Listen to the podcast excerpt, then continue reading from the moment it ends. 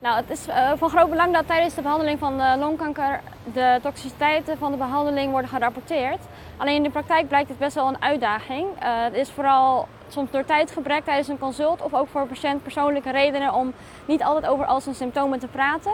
En uiteindelijk wat eigenlijk blijkt is dat, dat patient, patient reported outcome measures, dus dat zijn eigenlijk een, kort gezegd een vragenlijst waar patiënten zelf over hun eigen gezondheid rapporteren, dat dat dan eigenlijk een hele goede manier is om uh, de patiëntervaring toe te voegen aan, aan de klinische toxicity rapportage.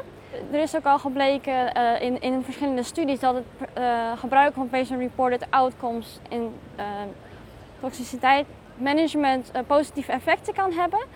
En in deze studie kijken we eigenlijk naar real-world data over um, uh, ja, wat kan eigenlijk patiëntgerapporteerde uitkomsten toevoegen aan wat de, patiënt, wat, aan wat de arts normaal gesproken rapporteert. Uh, voor deze studie hebben we gekeken naar 140 patiënten die werden behandeld met chemoradiatie of radiatie. En um, we hebben dan gekeken naar wat de artsen maximaal gescoord hebben tijdens de behandeling op basis van de Common Toxicity Criteria voor Adverse Events. En voor patiënten hebben we gekeken naar wat zij scoren door middel van de EORTC-vragenlijsten. Uh, en hebben we dus naar een aantal symptomen gekeken.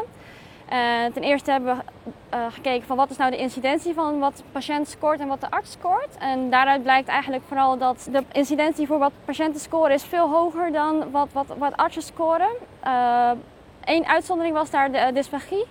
Daar was eigenlijk, wordt door de arts vaker gescoord dan door de patiënt. een hypothese daarvoor is dus eigenlijk dat misschien een arts, dysfagie is voor een arts een echt een klinisch relevant symptoom wat relevant is om, om, te rapporteren en ook te behandelen.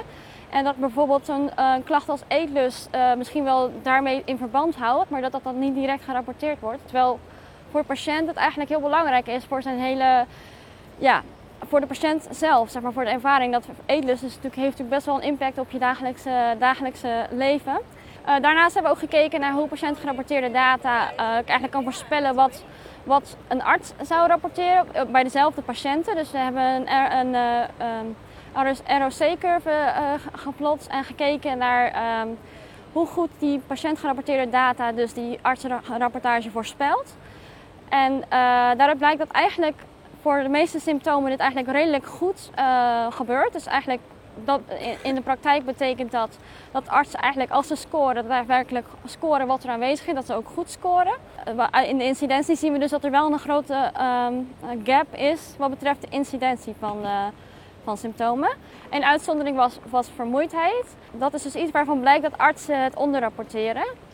Uh, want eigenlijk de kans dat de, PRO, uh, dat, dat de patiënt gerapporteerde data, die uh, artsgescoorde data voorspelt, kwam uit op, eigenlijk op ongeveer 50%. Nou, deze studie geeft dus aan dat patiëntgerapporteerde uitkomstmaten inderdaad zeker van grote toegevoegde waarde zijn en veel een breder inzicht kunnen geven in wat de patiënt daadwerkelijk ervaart. Dat was ook een van de redenen waarom we zijn begonnen met het vertalen en valideren van de PRO-CTC-AE-vragenlijst. Een vragenlijst die eigenlijk direct het patiëntperspectief weergeeft, maar direct gerelateerd aan de CTC-AE-criteria die artsen gebruiken om toxiciteit te scoren.